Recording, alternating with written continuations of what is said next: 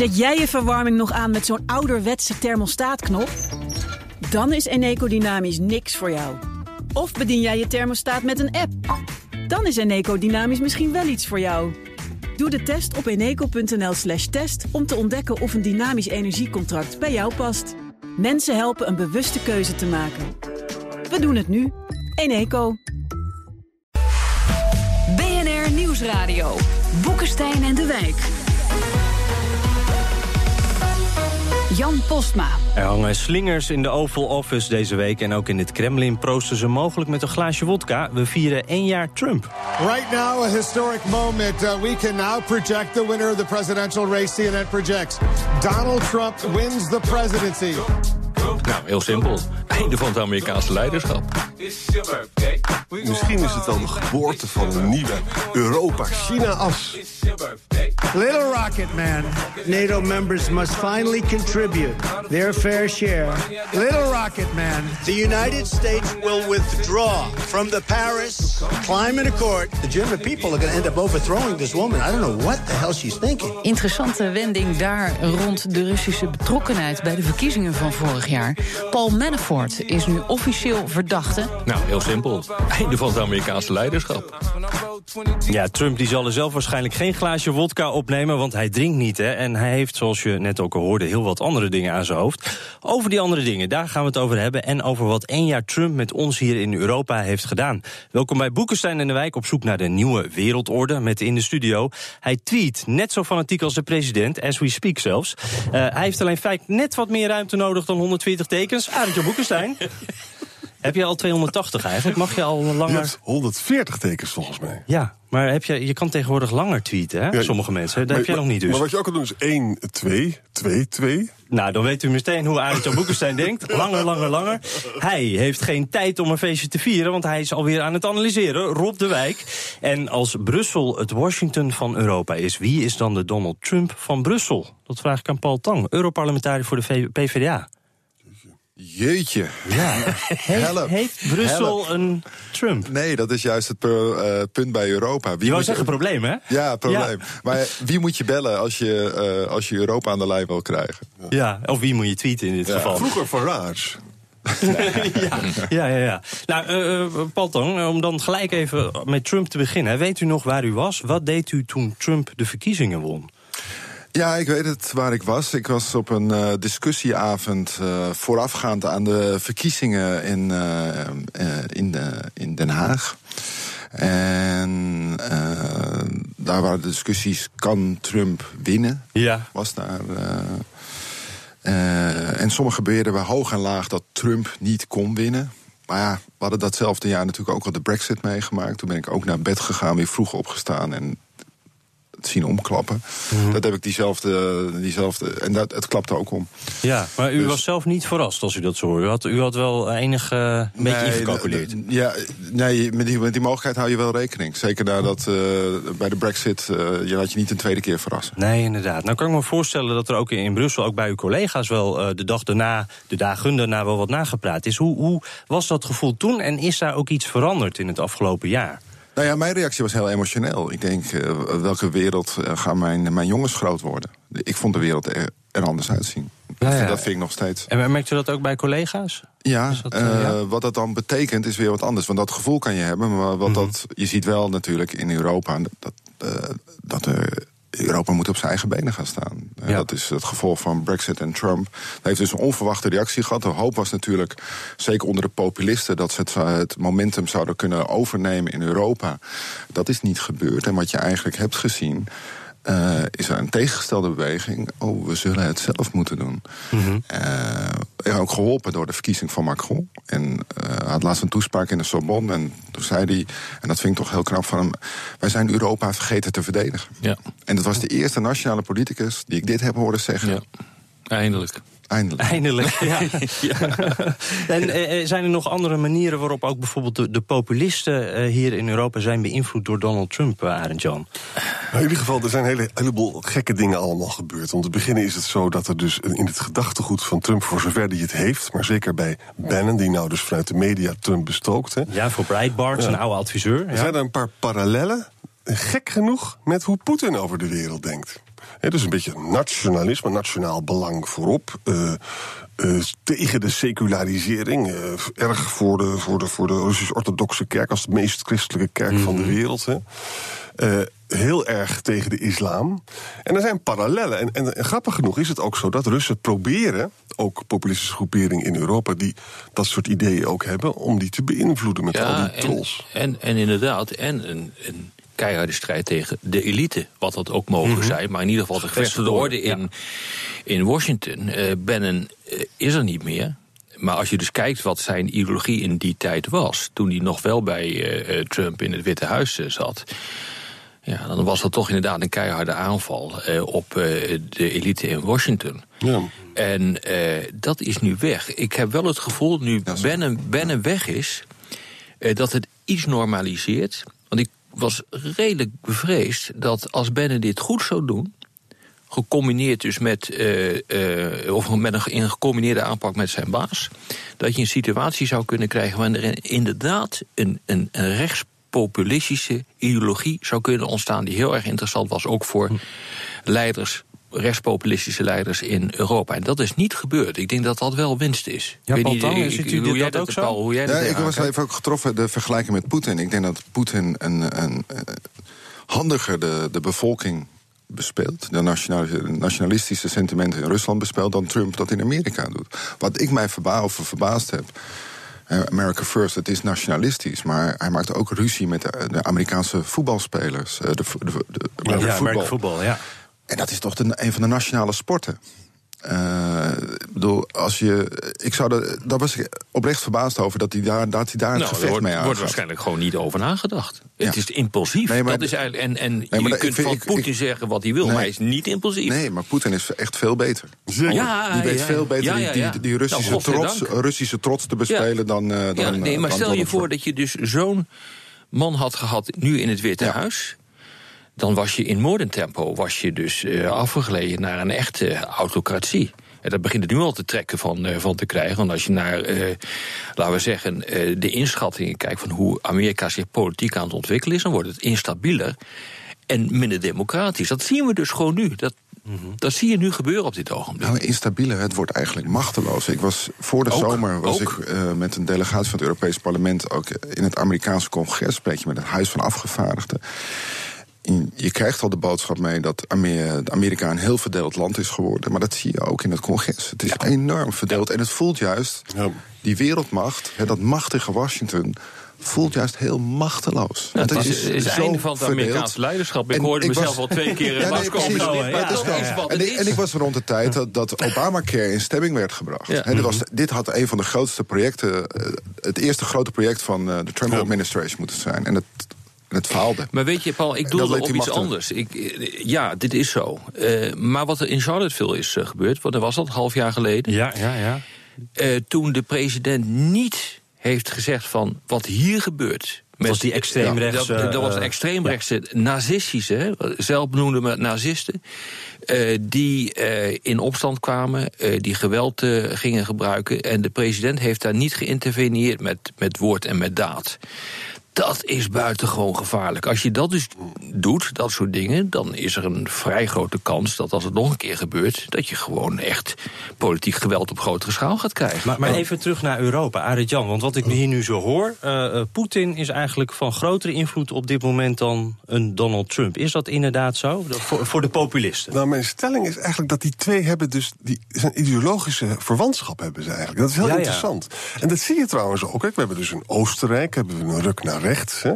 We zien in Hongarije, in Slowakije, in Polen ernstige echt ernstige ontwikkelingen.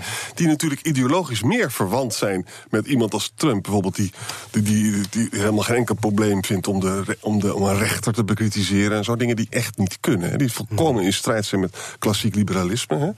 En we zien dus ook dat de, de Poetin-versteer, dat zit ook, dat ook heel duidelijk bij Trump. Niet zozeer dat hij erover over nagedacht had, maar hij nam dat over van Bannon. Hè. En dat is er nog wel een beetje, hoewel hij nu aan alle kanten vast is komen te zitten. Mhm. Nou, dat zit ook heel erg in Europa. Ik bedoel, als ik Europarlementariër was en ik ging door Oost- en Centraal-Europa reizen, dan zou ik daar toch heel eh, depressief van worden. Eigenlijk. Het zijn hele ernstige dingen. En wat is vol- volgens jou dan de gemene deler? Dat dat zowel in Amerika als in Europa aan kan slaan? Het is de, eh, het idee dat het gaat om het nationale belang. Dus patriotistisch. Hè. Het is ook het idee van dat de, de elite is decadent. Hè. En, eh, of de- oftewel de seculiere variant of de christelijke variant. hè. Het is absoluut ontzettend tegen de islam. Niet alleen de radicale islam, maar eigenlijk helemaal. Hè. En dat schijnt een ticket te zijn waar je heel veel mensen in beweging mee kan brengen. En we moeten niet zeggen, kijk, na, met Macron waren we blij dat het lijkt goed te gaan, maar Oostenrijk was een ander verhaal. Ik vind eh, Centraal- en Oost-Europa vind ik echt indrukwekkend. Maar Jan, het is dus niet een ticket Ja. waarmee je oeverloos kunt doorgaan. Eh, want we weten ook dat in bijna alle landen in Europa zit er pakweg een limiet op van hooguit 20, soms 25 procent van het aantal mensen wat daarop gaat stemmen op dat soort partijen. En het zijn eh, door de bank genomen, dat weten we nu ook uit onderzoek. Ja, mensen die een wat minder opleiding hebben, eh, die buitengewoon pessimistisch in het leven staan. Eh, die heel erg onzeker zijn. Die de, die de schurft hebben aan de politiek. Maar de Ik- aanval- en dat, ik bedoel, ik chargeer Ja. nu wat, maar Ja. dat, dat is het grosso modo wel. En dat is niet de hele bevolking. Eh Paul Nee. Tang, ik zie ook een beetje zo, zo van, nou ja, misschien iets meer nuance... maar wat ik me ook wel afvraag is, wat kan eh, u vanuit Brussel daaraan doen? Dat lijkt me zo moeilijk. Nee, dat is ook moeilijk. Om, te meer omdat wij nog steeds het Europa van landen hebben. Dus de traagste factor in Europa bepaalt het tempo. Ja, dat zijn de landen. En hoe meer landen zich bekeren tot een, ik noem het maar, nationalistische, conservatieve koers. Hoe moeilijker het is om eh, tot Europese samenwerking te komen. Dat is het, dat is het gegeven wat, eh, wat we nu hebben. Ehm, dat, eh, dat kan je niet vanuit Brussel veranderen. Dat speelt ook in die landen. Dat laat ook wel een algemene ontwikkeling zien. Want die ontwikkeling is wel breder. Hè? Je ziet op dit moment ook de opkomst van, van Forum voor Democratie. Dat past natuurlijk wel in die trend. Absoluut. Het is natuurlijk niet zo. Je hebt En- en gelijk, die het is zijn niet zo hoog opgeleid. groot. En die zijn hoog opgeleid. Dus het beeld dat die mensen onzeker. Nou ja, wel onzeker. Ze willen wel heel graag vasthouden aan hun eigen nationale cultuur. Nee, Nou, het Cultureel Planbureau die is daar op dit ogenblik behoorlijk mee bezig. Als je kijkt wat daar nu eh, voor inzichten ontstaan, dan komt daar wel een redelijk induidelijk eh, duidelijk beeld uit. En natuurlijk is het zo, je hebt helemaal gelijk. Het is niet dat alle lager opgeleiden die kant op gaan en alle hoger opgeleiden. Dat is gewoon, dat is gewoon niet zo. Dat, is, eh, dat ligt veel en veel genuanceerder. Maar de trends zijn op zich wel redelijk duidelijk inmiddels. En wat- maar realiseer je dat ongeveer 70% van de bevolking, 70% voelt dat ze benadeeld wordt door de globalisering. Dat ze daar op een of andere manier Mhm. niet profijt bij heeft. En dat daar een hele grote mate van onzekerheid, niet eens boosheid, maar onzekerheid in zit. Zeker. Dat is echt een heel Maar groot is- deel van de Maar bevolking. mag ik, mag ik me iets wat ik mooi vond eh, van de, eh, in de Brexit-campaign? eh, eh, duidelijk, ik was natuurlijk voor Remain. Maar de slogan van de Brexit-campaign vond ik goed: Take back control. En dat gevoel, mensen voelen zich in de steek gelaten. En wie staat er voor me klaar? En hoe krijg ik dan weer ja, controle? Maar tegelijkertijd is het is- kiezersbedrog. Want nou heb je control. Oké. En dan kost het je baan, bij wijze van spreken. Ik bedoel, wat is hier in godsnaam aan de Nee, hand? maar ze verwoorden wel het gevoel wat bij veel mensen leeft. En dat het Ja, maar niet- ik vind dus wel, eh, daar heb je gelijk in, maar ik vind dus wel dat je dan ook politieke leiders moet hebben van, eh, die tegen die bevolking zeggen: van, vrienden, dit is gewoon bullshit. Want jij wordt er het als eerste arm door, door dit soort flauwekul. Arend Jan, op wat voor manier kan je dan wel eh, die kiezer dat gevoel geven eh, dat ze weer de controle hebben? Nou, maar zonder die bullshit. Ik zal een heel grappig voorbeeld noemen. Gisteren zijn, eh, zijn allemaal mensen zich kwaad gemaakt over die afschaffing van die dividendbelasting. Hè? Nou, als je er even over nadenkt, dan zou je dit is een ideale gelegenheid om te zeggen van oké, race to the bottom is een probleem. Dat kan je dus alleen Europees oplossen. Bij het debat gisteren, niemand die dat naar voren brengt. Waarom? Omdat politici denken ja, als ik weer over, over de EU begin, kan het zo goed zelfmoord plegen. Nee, maar dat is. dat is- maar- precies, maar dat was, zo, dat was het dappere van Macron, vond ik juist. Hij zegt: Ja. We zijn Europa. Zeker. Hij is de eerste Europese politiek leider die dat durft te zeggen. We Nee, zijn maar, Europa maar vergeten dat te is, verdedigen. maar Jan, dat is ook gewoon het antwoord. ja, is het voor Je wel. moet gewoon een visie hebben over Europa en waarmee je naartoe gaat met je land. Dat is het. Met die laatste wijze woorden ga ik u vertellen wat we zo gaan doen. Trump die beloofde het einde van ellendige handelsverdragen... en het begin van briljante onderhandelingen... die natuurlijk tot fantastische deals zouden leiden. Wat kwam daarvan terecht? Dat hoort u zo in het geweldige tweede deel. Nieuwsradio. Boekenstein en de Wijk. Op zoek naar de nieuwe wereldorde. Dit is Boekenstein en de Wijk. En het programma is natuurlijk niet zonder Arend-Jan Boekenstein en Rob de Wijk. En te gast Paul Tang, Europarlementariër voor de PvdA. Mijn naam is Jan Posma. Ja, we hebben het, uh, laten we het over die handelsverdragen hebben. TTIP. Um, nou, uh, hadden we het daar laatst ook uh, gezamenlijk over, Arend-Jan en Rob. toen toen klonk er ook wat meer optimisme. Ik dacht dat het hele TTIP dood was eigenlijk. Ja, er zijn, er zijn signalen uit de Verenigde Staten, maar ik denk dat Paul daar meer van weet. Om dan toch maar weer eens te gaan kijken of dat uit de slop kan worden uh, uh, getrokken. En wat, maar het meest bijzondere vind ik eerlijk gezegd dat TPP, het Trans-Pacific Partnership, voor Azië. voor Azië, dat werd direct zo ongeveer op de eerste dag uh, geschrapt. Ja. Ja. En dat is niet gebeurd met TTIP. Weet jij nou eigenlijk waarom de Amerikanen dat niet gedaan hebben, Paul? Nee, het is een goede vraag. Uh, ik weet daar het antwoord niet op. Uh, maar mijn inschatting is wel uh, dat, dat het op dit moment niet, niet speelt. Ik bedoel, er zullen ongetwijfeld her en der mensen nog wel eens aan denken. Het TTIP heb je nu over. Ja, ja, maar aan beide kanten ja, maar van de de Atlantische... Amerikanen beginnen dus nu bij monden van hun handelsminister te zeggen... nou, misschien moeten we maar weer eens gaan, uh, gaan onderhandelen. En het is, ik bedoel, geopolitiek, als je hier een klein beetje over nadenkt, dan is dat wel verstandig om dat te doen. Nee, daarom denk ik dat TTIP als onderwerp wel weer terug kan ja. keren, want het, het heeft een bepaalde ja. logica geopolitieke logica, die, die, die blijft. Ja, als je dus inderdaad een vuist wil Maar maken als dus ik- tegen Rusland en China... moet je vooral die Maar als ik, als, ik kijk, Eh, als ik kijk hoe ver de onderhandelingen zijn gekomen, niet heel ver. Nee. En als ik dan kijk aan beide kanten van de Atlantische Oceaan, wat de situatie is, verwacht ik eigenlijk niet dat het op korte termijn weer tot leven komt. Maar ik- korte termijn, dat is dan het komende jaar? Of, of wat, hoe... Ah, de komende paar jaar zie ik dat niet. En hoe werkt dat dan? Als, als stel dat er toch weer eh, komt er dan een telefoontje uit Washington en, en wa- wanneer eh, wordt u daar dan bij betrokken? Wat, eh, Nou, de- de- nogmaals, we, we leven in het Europa van landen, dus het, het zal ge- kunnen gebeuren inderdaad in Washington. Eh, maar dan nog, dan heb je twee partijen nodig. Het zal ook moeten kunnen, kunnen gebeuren in, eh, in Europa, maar dat is tegenwoordig Berlijn. Denk ik. Ja, ja. Hè, dus dat is wel. dus, eh, dus dat- Angela Merkel krijgt een telefoontje. Ja, of Angela Merkel moet daarvoor openstaan. Dus deze nieuwe coalitie. Nou is het op dit moment ook moeilijk om te zeggen. Je wacht ook weer op een nieuwe coalitie in Duitsland. We zijn echt het hele jaar zijn we aan het wachten. Ja. Franse verkiezingen, Duitse verkiezingen, regeringsvorming. Maar het het blijft wachten. opmerkelijk dat hij dus NAFTA, dus het Noord-Amerikaanse eh, vrijhandelsakkoord, dat hij dat ter discussie wil stellen. Ja. Dat hij het, het, eh, het Aziatische akkoord eh geschrapt heeft en dat hij niet aan eh, Ja. TTIP heeft. Wat, eh, wat zegt dat, komen. Arend Jan? Nou, het is, ik heb een beetje zitten, zitten lezen. Van de, Amerika heeft een enorm handelstekort met eh NAFTA-landen natuurlijk. Maar ook China, Japan en Europa. Hè? Ja. Europa is het 146 miljard. China is het 347 miljard. Dat is allemaal niet niks. Hè? Nou, wat heeft die Wilbur Ross gezegd? De laatste keer dat hij erover sprak was van... was, eh, eh, Wilbur Ross Dat is de EU, dat is de, de handels... Handelsminister ja, van Amerika. Van, van, van Amerika, hè? En die zegt, het is een hele harde jongen, van nou... eh, luister eens, ik wil best eh, met dat TTIP verder gaan. Maar de EU is een competitie met China en met Japan. Dus die doet het klassieke, speelt het tegen elkaar uit. Nou, waarom lukt het allemaal nog niet zo erg? A. Brexit eet de EU ongeveer op. Eh, B. De Duitse verkiezingen moesten worden afgewacht. Ja. En ik denk dat Paul gelijk heeft dat het, eh, ja, Brexit dat is, gaat, dat kost heel veel tijd. Met name ook omdat we ons allemaal enorme zorgen maakten dat het hartstikke fout gaat. En, soms aan beide kanten, denk ik wel eens. En eh, dus het ligt in de. Maar, maar Rob heeft natuurlijk gelijk dat het zou. Het is toch heel belangrijk om te proberen. Om te kijken of we het toch kunnen sluiten. Want ik weet nog, Paul, jij was in het verleden. had je kritiek op onderdelen. Maar je zal het met mij eens zijn. als dat tribunaal goed zou worden aangepast. Je bent hartstikke voor een mooi eh, handelsverdrag. Ja, nee, ik bedoel, handelsverdragen zijn onder voorwaarde. Het moet democratisch zijn. Ja. En dat is eigenlijk de belangrijkste voorwaarde.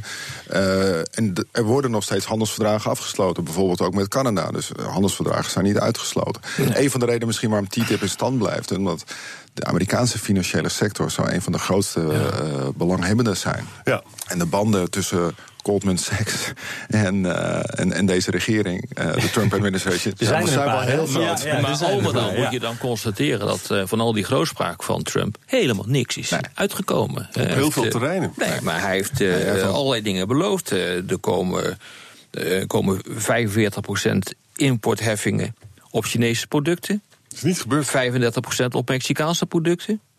35% op, eh, op Duitse auto's.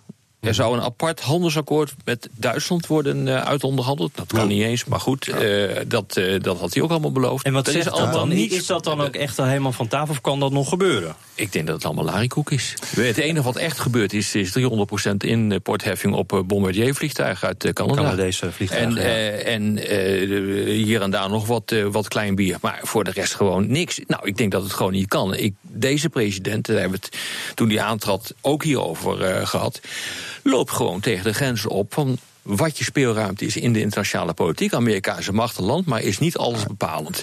Met andere woorden, als je dit dus doet, wat Trump doet, met die, met die retoriek, Mhm. met dat onberekenbare.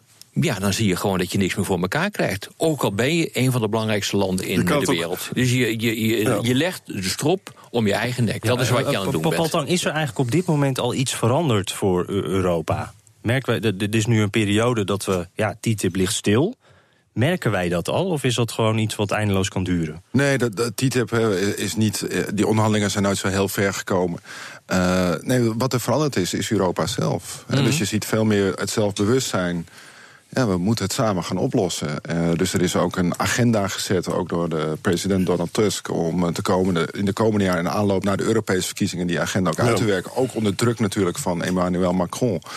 Dat, is, dat is de grootste verandering, dat Europa nu zelf weer probeert het voortouw, ja, het voortouw te nemen. En China, die het over probeert te nemen. Eh, president Xi, die eh, eerder, dit jaar in eh, Davos zei van... wij worden de kampioen van de liberale wereldorde. dat, is, een- dat is een... Nou ja, nee, maar het, dat zou toch Met een- twee, drie jaar geleden ondenkbaar Met zijn met, geweest... glim- de met een glimlach werd dat ontvangen, dat, die opmerking. ja, maar ik zou. Maar ik, inmiddels is China mogelijk nog machtiger dan de Verenigde Staten. Dat betekent dus gewoon dat zo'n land in staat is om de regels van het spel te gaan bepalen. Ook handelsvoorwaarden, milieueisen, eh, eh, zelfs eisen ten aanzien van arbeidsomstandigheden. Dat kan nu allemaal in belangrijke mate ook mede door China worden bepaald. Dat heeft enorme consequenties Ja. en de mensen hebben nog geen idee wat het allemaal gaat En, en, betekenen. dat, en dat is natuurlijk het opvallende. Hè? Dus de, de Anglo-Saxische liberale orde is eigenlijk weggevallen. Want deze Ja. landen, uitgerekend deze Ja. landen, zijn in zichzelf gekeerd. Ja. Europa is een economische grootmacht, maar is politiek nooit een grootmacht geworden. Dus wij zetten eigenlijk nooit, Precies. vrijwel nooit, de mondiale regels. Wij gebruiken onze economische macht niet voldoende. Dus het speelveld ligt nou, wereldwijd Europa open. is wel een regelsupermacht.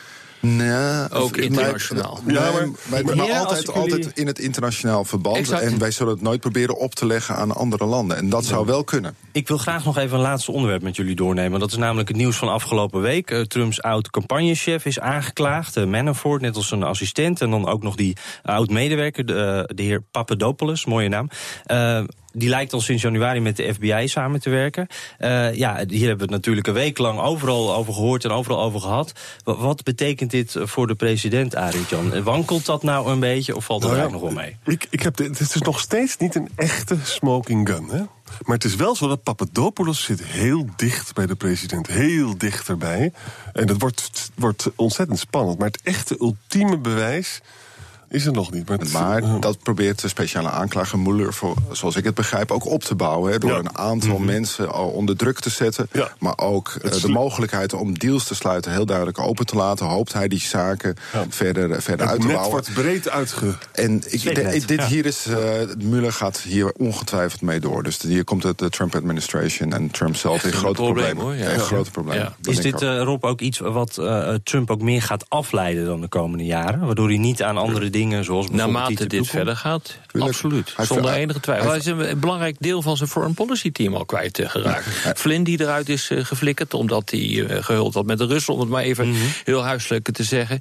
Eh, dus zijn, zijn veiligheidsadviseur, zo zijn er meer mensen. Manafort. En dat betekent gewoon dat de boel echt aan, eh En, aan de en, kant en, valt. en heel praktisch, de Republikeinen moeten op een gegeven moment weer op, eh, of de Republikeinen en de Democraten voor, eh, voor tussentijdse verkiezingen. Ja, over een jaar al. En, en als Trump dan niet meer het politiek kapitaal heeft, dan, dan zal je zien dat de Republikeinse partij ook uit elkaar gaat vallen. Dus het wordt nu wel een heel belangrijk moment, want er is ook een binnenlandse agenda. De eerste stap van eh, de Trump vervanging van Obamacare is mislukt. Ja. Nu ligt op tafel, dat is de tweede grote Belastingherziening. belastingherziening. Dat wordt alleen geprobeerd met alleen de Republikeinen. En het wordt onmiddellijk onder vuur genomen. Dus het is zeer interessant om te zien of de Republikeinen hier een meerderheid weten te krijgen. Als dat niet lukt, is eigenlijk die binnenlandse agenda ook verdwenen. Ja, absoluut. Maar nog even één punt. Hè. Soms zit echt de details is veelzeggend. Er is een meneer Pieter Smith geweest. Die werd in verband uh, gebracht met die hacks uh, in uh, de computers van, van de Democraten, van, van Clinton. Die heeft dus gewoon zelfmoord gepleegd. Dat is dus wel echt curieus. Hè. Dat, dat begint dus al Watergate-achtige proporties te krijgen... als je er zo tegenaan kijkt. En uh, daar is dus, daar, het lijkt dus, uh, Aart-Jan zegt terecht, er is geen smoking gun, maar er lijkt echt gewoon veel meer aan de hand te zijn dan we nu weten. Nou, laten we dat in ieder geval conclu concluderen voor uh, deze week. Dit was Boekenstein in de Wijk. Namens Arend-Jan Boekenstein en Rob de Wijk zeg ik dank voor het luisteren. Speciale dank natuurlijk aan Paul Tang, onze gast van vandaag. en heb je een vraag voor de heren, tweet ons dan. En krijg je geen genoeg van ons programma, dan kan je abonneren op de podcast. Dan kan je alle afleveringen terugluisteren en het is ook nog eens gratis. En laat ook een recensie achter in iTunes. Dat deed ook HJ 333. Die geeft vijf sterren, dus gefeliciteerd mannen. En uh, hij prijst onder meer de oppervlakkige humor. Dat uh, moet jij zijn, denk ik. Uh, oh, en ook uh, Boetje Frank. die luistert in de auto en zegt... jammer dat je dit programma niet meer op iTunes kan luisteren. Nou Frank, goed nieuws. Dat kan weer gewoon, dus doe dat vooral.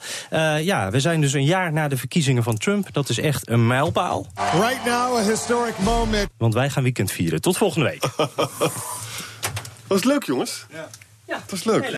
Zeg ZZP'er, heb je nou nog steeds geen arbeidsongeschiktheidsverzekering? Insafai heeft de AOV die wel betaalbaar is. In 15 minuten geregeld, 100% online. Ga naar insafai.nl slash radio. Vandaag geregeld is morgen verzekerd.